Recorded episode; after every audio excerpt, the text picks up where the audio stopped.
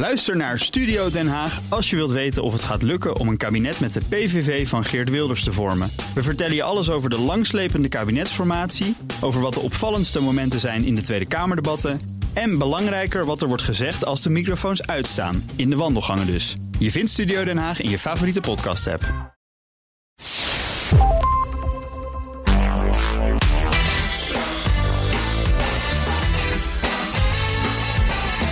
Welkom bij de Ben Tichelaar podcast, de podcast over persoonlijke en professionele ontwikkeling. Ken jij hem ook? Dat vervelende stemmetje in je hoofd dat je steeds vertelt dat je dingen niet kunt, dat wordt niks met die presentatie van morgen. Denk je nou echt dat je hier succesvol in gaat zijn? Wie denk je wel niet dat je bent? Veel psychologen zeggen dat het gesprek dat je met jezelf voert het belangrijkste gesprek van je leven is. Maar we hebben het er eigenlijk nooit over. Dat gaan we vandaag dus wel doen, want bij mij te gast is Judith Stijnmeijer. Ze is ondernemer en schrijver van de bestseller De Wakkere Professional. Welkom. Dankjewel, Ben. Judith, ik vermoed dat iedereen het wel herkent. Zo'n zeurend typetje in je hoofd dat je zegt dat je dingen niet kunt. Waar komt dat volgens jou vandaan? Ja, ik denk inderdaad dat iedereen dat stemmetje wel herkent. Het is een stemmetje dat we allemaal uh, in ons hoofd hebben. Dat ons eigenlijk probeert te beschermen voor een heleboel dingen waar we ja, uh, bang voor zouden kunnen zijn. Dus het, het stemmetje is eigenlijk positief. Uh, in die zin zeg maar dat het uh, een positief doel heeft. Het wil je beschermen. Het heeft deels een, een ja, een beschermingsfunctie. Maar ja. je moet het zo zien dat dat ja, stemmetje in het verleden een hele ja, daadwerkelijke functie had. Dus als je voorheen in aanraking kwam met een agressieve leeuw of een, of een grote beer. Nou ja, dan wist je dat je in één keer weg moest wezen. Ja, dus onze verre, verre voorouders die hadden er iets aan. Maar voor ons is het een beetje Precies. Ondermijnend. Een beetje die, die mismatch-theorie. Van we ah. hebben nog hersenen die eigenlijk heel geschikt zijn voor de tijd dat we nog geen kantoor hadden. Absoluut, absoluut. En ja, dat stemmetje dat, uh, dat is nu een andere functie eigenlijk aan het zoeken. Dus op het moment dat jij wilt solliciteren naar een nieuwe baan of dat bedrijf op wilt starten, dan popt dat stemmetje ineens op. En die zegt dingen als: Ja, zou je dat dan wel doen? Kun je dat nu wel? Dus dan ondermijnt dat stemmetje. Ja. En eigenlijk heb je daar een keuze in. Ga je naar dat stemmetje luisteren? Of besluit je om dat niet te doen. Ja, in je boek heb je heel veel kennis uh, bij elkaar uh, verzameld. Uh, je hebt er echt enorm in verdiept. Maar je bent ook ervaringsdeskundige, begrijp ik uit je boek. Hè? Dus ja, hoe zeker. speelt dat in je eigen leven een rol, dit verhaal? Ja, deze hele roadmap die heb ik ja, gevormd aan de hand van alle trainingen die ik gevolgd heb, boeken die ik heb gelezen. En aan de hand daarvan ben ik ja, die kennis dus gaan verzamelen. Maar bijvoorbeeld ja, die gedachten die, die je tegenhouden in je werk, die ben ik natuurlijk zelf ook tegengekomen. Wat voor manier? Uh, zo ja, liep ik tegen gedachten aan als ik ben niet slim genoeg, ik ben niet genoeg. En ja. dan kun je daarin geloven en jezelf klein gaan houden. En dus altijd uh, ja, die, uh, die medewerker in loondienst blijven bijvoorbeeld. Of je kunt dat stemmetje gaan bevragen, daarmee aan de slag gaan. En dan kun je zien dat je daarboven kunt stijgen. Ja, ja, je wilde graag ondernemer worden. Het is natuurlijk niet zo dat het altijd fout is om in loondienst te blijven. Maar jij mhm. wilde graag ondernemer. Ja. Maar je vertelde jezelf, althans die stem in je hoofd vertelde je uh, van... ja, luister eens Judith, dat kun je eigenlijk niet. Inderdaad. Ja, ik, ik ben niet slim genoeg was mijn gedachte. En op een gegeven moment ben ik daarnaar gaan kijken van... dit is mijn bewijsmateriaal dat ik inderdaad niet slim genoeg ben. Maar aan de andere kant kan ik ook een lijstje gaan maken met dingen... Waardoor, waaruit blijkt dat ik wel slim genoeg ben. Ja. Omdat ik zoveel positieve reviews van, uh, van mijn klanten heb. Of omdat ik zo ontzettend mijn best doe. Ja. En wat ik uiteindelijk zag was dat dat lijstje met die, uh, met die domme ervaringen... vele malen kleiner was dan mijn lijstje met de ja, slimme ervaringen. Ja. Dus door daarop in te zetten, door daarmee aan de slag te gaan, uh, echt in te programmeren van ik ben slim om die en die reden, ja. ga je dat langzamerhand geloven. Dat moet je echt op een rijtje zetten en dan ook inderdaad duidelijk tegen jezelf herhalen. Ja. ja. Hey, en, en wat voor werk deed je dan en wat voor bedrijf heb je dan nu? Dat willen we dan ook wel even weten natuurlijk. Ja, nee, ik ben uh, ooit begonnen als, uh, uh, als marketeer in loondienst, waarbij ik de combinatie ja. legde tussen content en marketing. En op een gegeven moment dacht ik van, nou ja, dat kan ik ook zelf. Maar uh, in het begin was ik daar nog heel erg uh, ja, mee op de achtergrond. Dus ik uh, was gestart met een stukje tekstschrijven en dergelijke. Omdat ik nog niet voldoende vertrouwen had in dat stuk marketing. Ja. Maar ja, dus door met mezelf aan de slag te gaan, ja, sta je daarin in één keer als marketeer zijnde die niet alleen maar marketingondersteuning geeft, maar ook strategische marketingadviezen. En op een gegeven moment kom je ook gewoon de bedrijven binnen als interimmer die die functies over gaat nemen. Die ook daadwerkelijk verschil maakt. En ja. Dus ik wil echt wel mijn stempel uh, kunnen drukken op het bedrijfsleven. Ja. Mooi om dat te horen. Mooi dat je die stap hebt kunnen zetten. En het interessante is natuurlijk, eh, je hebt zelf nu genadeloos afgerekend, zou je kunnen zeggen, met die negatieve uh, gedachten, negatieve ideeën over jezelf. Maar je hebt, je hebt er ook een boek over geschreven. Dat boek heet De Wakkere Professionals. Heel erg goed verkocht. Het nummer 1 gestaan bij Managementboek, zag ik zelf. En de ondertitel is Transformeer je gedachten, woorden en daden voor meer zakelijke impact. Waarom moest dat boek er komen? Je zou kunnen zeggen, nou, daar heb ik Judith Stijnmaier zelf een hoop aan gehad, aan deze ideeën. Dankjewel. En nu gaan we verder. Maar jij wilde er toch een boek over maken. Ja, dat klopt. Ja, dat is eigenlijk wel een heel uh, grappig verhaal. Want ik was op vakantie. Ik was op Curaçao met mijn man Nima en onze dochter Luna. En daar, te midden van al het natuurschoon, we reden van het ene strandje naar het andere. Uh, ineens popte die gedachte bij mij op. Echt een inzicht van, ik ga een boek schrijven. Ja. En op dat moment wist ik nog niet waar het over zou gaan. Ik denk op vakantie trouwens zelf altijd een hele andere dingen. Ja. Maar... nou, bewust denken absoluut wel. Maar ja, ik zie dit ook wel echt als een inzicht. Het kwam helemaal vanuit het niets. Dus, Ja. uh, en later kwam pas uh, de gedachte van waar gaat dit boek dan over?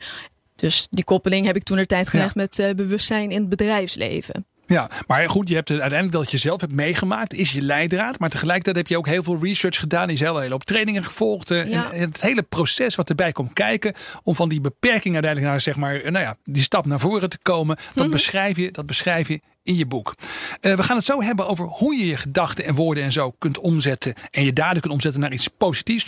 Maar eerst wil ik wel eventjes weten hoe die eh, veranderende mindset, of die veranderde mindset, moet ik het goed zeggen. Hoe die jouw bedrijf, eh, je eigen bedrijf heeft beïnvloed. Ja, heeft het ook echt geholpen om ervan te maken wat je ervan wilde maken? Je noemde net al eventjes dat je echt mooie opdrachten bent gaan doen.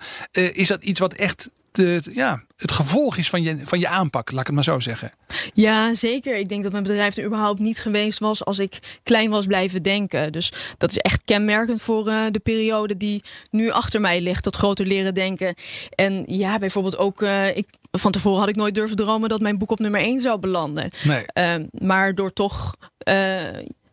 Dat, dat te durven geloven en een stukje visualiseren en dergelijke, dan ja, zie je dat je dat in gang gaat zetten. Ja, je noemt dus, een aantal technieken. Gaan we het zo meteen ja. eens even over hebben. Ben ik ontzettend benieuwd. Maar eh, heel veel mensen die voor zichzelf beginnen, en dat zul je toch zelf ook wel hebben meegemaakt, die moeten in het begin bijvoorbeeld echt heel hard werken om klanten te krijgen. Ik vind dat ook ja. heel moeilijk. Hè? Hoe is dat bij jou gegaan? Dat was in het begin ook uh, pittig hoor. Ja, zeker dat, uh, dat eerste half jaar dat ik zag van uh, ja, net, net gestopt met, met loondienst, maar ja, dat het uh, nog niet echt uh, van, uh, van de grond kwam.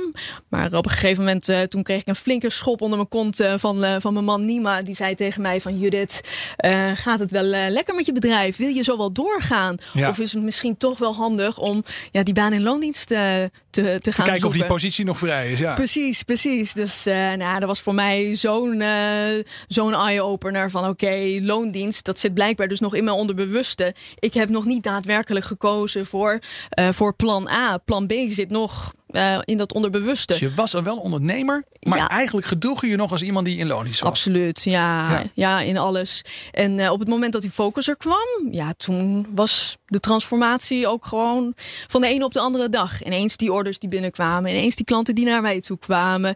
En ja, dan, dan begint alles gewoon te transformeren. Oké, transformatie, focus. Je noemt een aantal dingen, Ja. we gaan het erover hebben. Uh, je luistert op dit moment naar de Ben Tichelaar podcast. Ik spreek met Judith Stijmeijer. Ze schrijft van de bestseller De Wakkere Professional. Een buitengewoon goed verkocht boek. Om succesvol te kunnen zijn, moet je de baas worden over je gedachten, je woorden en je daden. Dat zegt Judith. Dat klinkt goed, maar hoe doe je dat? Judith, jouw boek benoemt drie stappen. Verander je gedachten, je woorden en vervolgens je daden. Laten we gewoon eens even het rijtje gaan aflopen. Je gedachten veranderen. Ja, eerst maar eens even, wat voor soort gedachten moet je veranderen? En ja, ook, hoe, hoe pak je dat aan? Ja, je kunt. Uh, allereerst is het belangrijk om uh, ja, uh, je te beseffen dat dat stemmetje in je hoofd, dat je je daar niet al te veel mee identificeert. Heel Ja. veel mensen die denken, die stem in mijn hoofd, dat ben ik. En dat is heel gevaarlijk, want dan ga je alles geloven wat dat stemmetje je aandraagt. Ja, maar goed, als, het niet, als jij het niet bent, wie is het dan? Ja, dat, uh, daar zijn de meningen over verdeeld. Oké.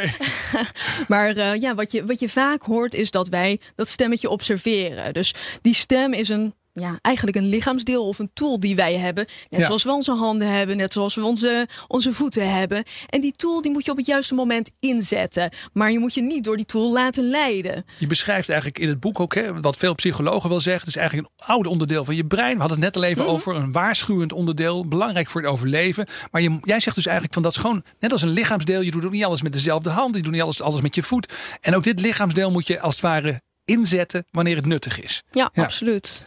En wat doe je als het niet nuttig is? Want dat is natuurlijk de vraag. Als het maar door blijft zeuren, want je kunt het niet. En eh, dat Mhm. Ja. eh, ondernemen is niks voor jou. Eh, die, die functie die een trapje hoog ligt, begin er nou niet aan. Mhm. Wat doe ik daaraan?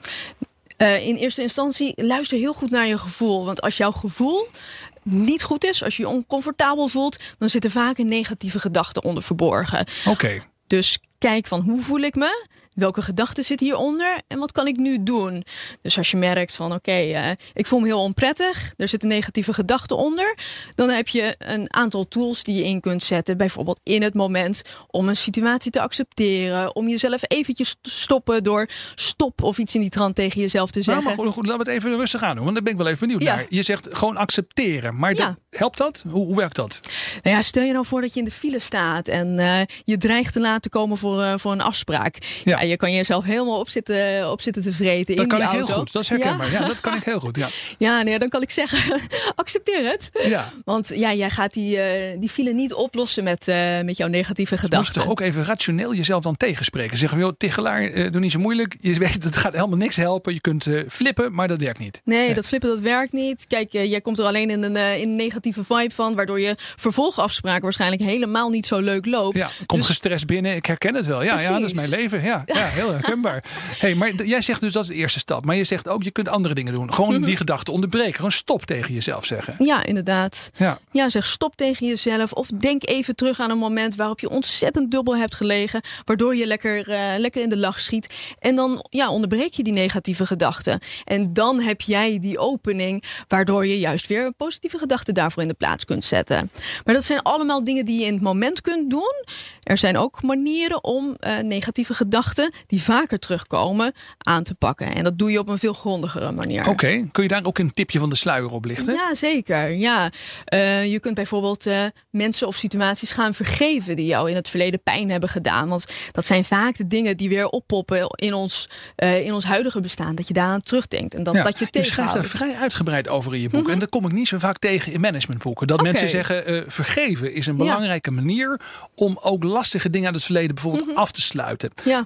Ik ben heel benieuwd. Heb je dat ook zelf moeten doen bijvoorbeeld... bij de stappen die jij hebt gezet in jouw werk? Ja hoor, dat heb ik ook zelf al moeten doen. Ja, ik heb ook in, eh, in werksituaties gezeten die, eh, die niet altijd top waren. Ik schrijf er ook over in mijn boek. Dat ik eh, met mensen heb gewerkt die onwijs klaagden en roddelden. En dan zie je dat dat een hele negatieve, ja, dat dat een heel negatief effect op je heeft. Dus Ja. ook dit soort mensen heb ik vergeven. En Absoluut. vergeven, moet je dan naar die mensen toe daarvoor? Of is dat iets wat je ook gewoon thuis kunt doen? Hoe werkt dat? nou, dat is het mooie daaraan. Dat kun je ook gewoon thuis doen. Oké, dat helpt dan wel. Ja. ja, ja, zeker. Dus we zeker. hoeven het niet per se te weten. Het gaat erom dat jij de ander vergeeft. Dat het een actie is van jouzelf. Het is een actie van jouzelf. Dus vergeven draait uiteindelijk ook niet om de ander. Vergeven draait om jouzelf. Want hou jij die negativiteit in je lijf, dan uh, je, je, houdt die negativiteit echt vast. En dat, dat zorgt gewoon voor rare dingen in je lichaam. Van, uh, ja, van nare gedachten tot fysiek ongemak. En Ja. jij wil daarvan af. Jij wil dat gif uit je lijf hebben. En dat doe jij door te vergeven. Dus vergeven een soort tegengif, zou je kunnen zeggen. eh, wat voor jezelf werkt. En eh, vaak hebben misschien die mensen ook niet eens in de gaten wat ze allemaal hebben gedaan natuurlijk. Dat kan ook nog. Dat is zeker zo. Ja. Ja. Zeg, in het boek staat ook nog iets, was ik ook wel even benieuwd naar. De vijf seconden regel. Dat is ook iets wat je kunt doen aan negatieve gedachten. Mhm. Wat is dat, die vijf seconden regel? Die vijf seconden regel die is dus niet bedoeld om eh, negatieve gedachten op te lossen of daarmee af te rekenen. Daarmee voorkom je ze. Oké. Misschien ken je, misschien ken je de 5 second rule van, van Mel Robbins, maar Ik kwam het tegen in jouw boek. Ik had er nog nooit van gehoord. Dus je moet serieus? even vertellen. Ja. Ja, leuk. Nou, eh, je komt eh, wel vaker in eh, bepaalde situaties terecht die, die spannend zijn, die nieuw zijn. Of die juist heel erg alledaags zijn, maar je hebt er eventjes geen zin in. Stel je voor, nou ja, je, je wordt uitgenodigd voor een netwerkevent. Voor jou is dat waarschijnlijk niet zo'n probleem om jezelf even voor te stellen. Maar voor heel veel mensen is dat spannend. Dus Ja. de vraag die gaat rond. wie wil zich eventjes voorstellen? En ja, die hele zaal die blijft, ja, die blijft stil. Wat doe jij dan? Ga je dan zitten wachten totdat je aan de beurt bent? Of sta je gewoon op, tel je af 5, 4, 3, 2, 1 en geef je die pitch? Oké, dus je zorgt eventjes dat je als het ware de denktijd opvult door gewoon te gaan tellen. Ja. En dan van vijf naar één. Van 5 naar 1. Zoals zo, zo met een raketlancering zou ik maar zeggen. Ja, precies. inderdaad. Ja. En Ja. hetzelfde doe je bijvoorbeeld met he- met hele alledaagse situaties. Je wil bijvoorbeeld naar die sportschool of je wil, eh, je wil dat boek gaan lezen, maar aan het einde van de dag ben je toch hartstikke moe. Gewoon aftellen Ja, en 5, 4, vervolgens... 3, 2, 1 en dan ga je gewoon. Yes. Ja, en dat werkt. En dat werkt. Ja, nog wel even een een, kritische vraag over Ja. het dempen van die eh, kritische stem. Eh, soms is het natuurlijk wel gewoon een goede waarschuwing die je ook krijgt. Hè. Soms eh, zegt dat stemmetje in je hoofd misschien wel tegen je: je kunt het niet, dan heeft het gewoon gelijk. Eh, hoe kijk je daarnaar? Zeg je van nou, gewoon altijd proberen en dan kom je er vanzelf wel achter? Of, of wanneer moet je echt wel luisteren naar die stem? Nou ja, als die stem in, in lijn is met dat gevoel dat jij hebt, dat is heel belangrijk. Je, meestal voel je wel aan de energie die je ervaart rondom een situatie of rondom een persoon, of dat, of dat juist voor jou is. Dus voelt het niet goed, dan, eh, dan is mijn advies gewoon niet doen. Oké, dus je zegt dat je kunt wel op je gevoel vertrouwen, maar dat kritische stemmetje in je hoofd niet. Maar wat is het verschil tussen die twee? Is dat gevoel iets wat zeg maar meer, ehm, laten we zeggen, eh, niet rationeel is of zo? Of, of ik, ik, kan, Ja, zo probeer, je dat, probeer die dingen even bij elkaar te brengen. Ja, zo zou je dat kunnen zeggen. Ja, eh, het gevoel is er eerst, of het stemmetje is er eerst, maar kijk vooral naar die energie voelt. Dus Oké. eh, zo, eh, zo heb ik situaties meegemaakt waarin ik de perfecte opdracht kreeg van de perfecte klant met eh, de perfecte financiële vergoeding, maar toch, het voelde niet helemaal goed. En omdat ik er geen energie van Ja, kreeg. waar, waar zat hem dat dan in? Wat, wat is dat dan dat ervoor zorgt dat er, nou ja, het goede gevoel er niet is? Ja, eh, uiteindelijk paste dat dan toch blijkbaar niet genoeg bij mij, waardoor ja, die energie niet ging stromen. En als, die, als die energie niet stroomt, dan denk ik van oké, dit past niet bij Judith. En Oké, het moet Dat- bij jou passen. Bij wat bij jij kunt, wat jij belangrijk vindt. Ja. En, en als, als, je, als dat klopt, als je zegt van dat past bij mij, dat kan ik, dat wil Mhm. ik. Eh, als het dan nog zo'n negatief stemmetje is, dan kan je het eigenlijk aan de kant schuiven. ja, Oké, nou ik probeer het gewoon goed te begrijpen. Dus ik- we gaan eens naar de volgende stap. Mhm. En dat gaat over de woorden die je gebruikt. Dat vind ik ook heel interessant. Je kunt je, eh, je gedachten veranderen. Dat is belangrijk. Maar je zegt ook je woorden veranderen. Mhm. Zoals bijvoorbeeld roddelen en klagen. eh, daar moet je mee stoppen. Dat is funest. Mhm. Waarom is dat zo? nou dat is funest omdat je er eigenlijk hele ja, giftige energie mee eh, de, de wereld in helpt. Dus het zorgt ervoor dat, eh, dat mensen anders naar jou gaan kijken als, als roddelaar. Of dat ze anders gaan kijken naar de mensen waarover geroddeld wordt.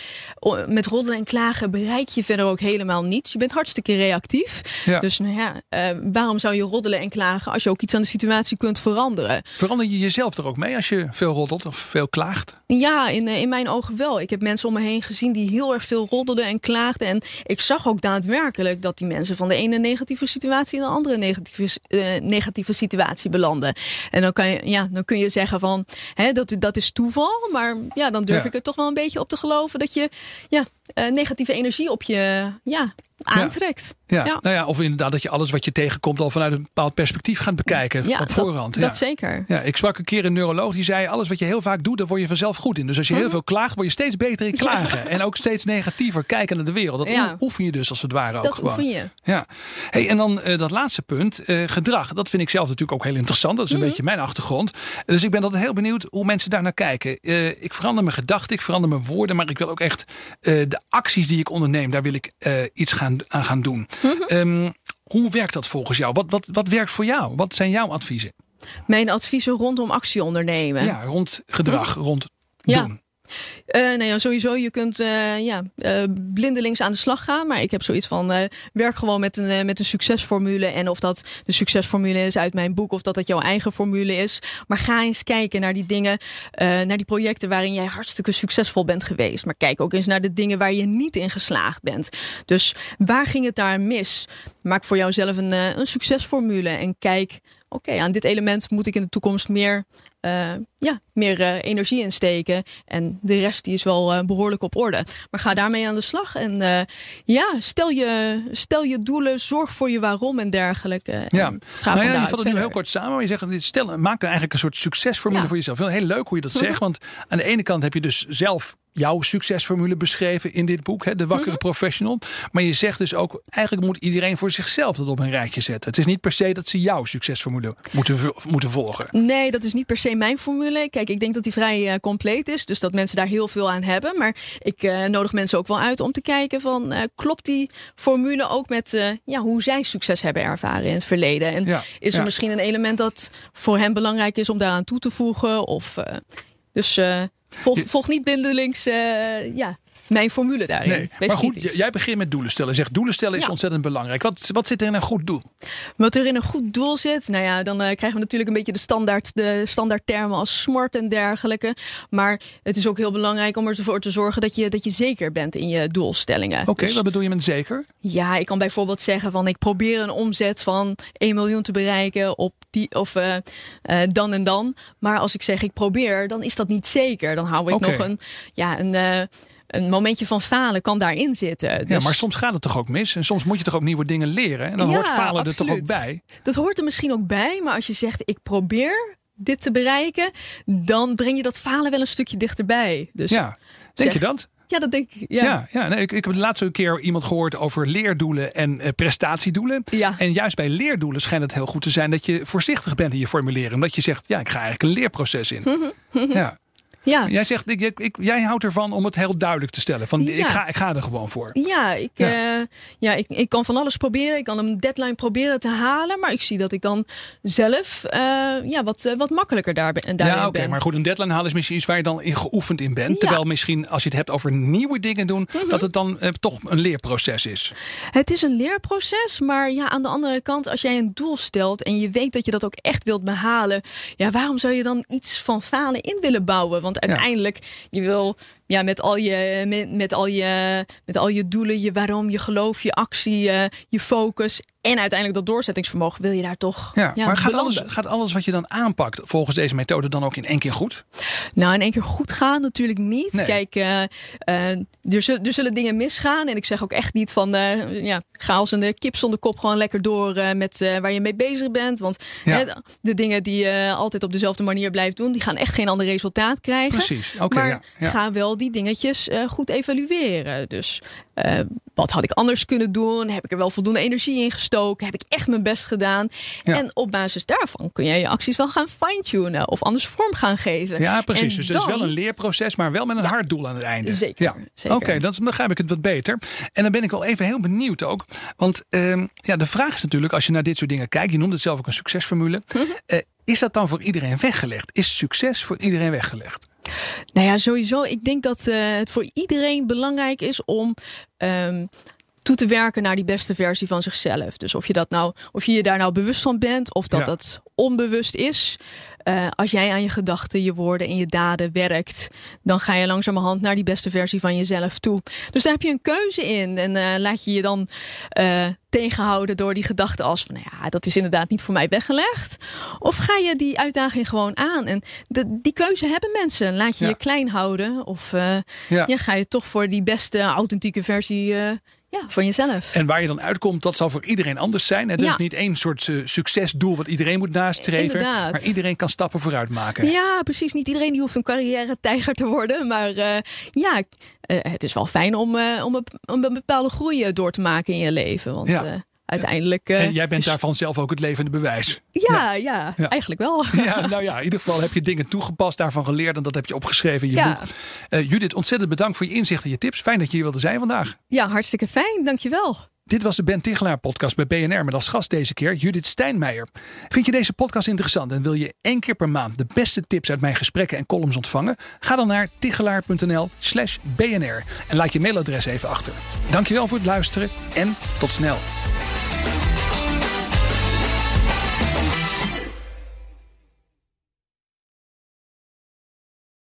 Ook Hugo Reitsma vind je in de BNR-app. Superhandig die BNR-app. Je kunt alle programma's live luisteren, breaking nieuwsmeldingen. Je blijft op de hoogte van het laatste zakelijke nieuws. En je vindt er alle BNR-podcasts, waaronder natuurlijk de belangrijkste, Boeken zijn in de wijk. Download nu de gratis BNR-app en blijf scherp.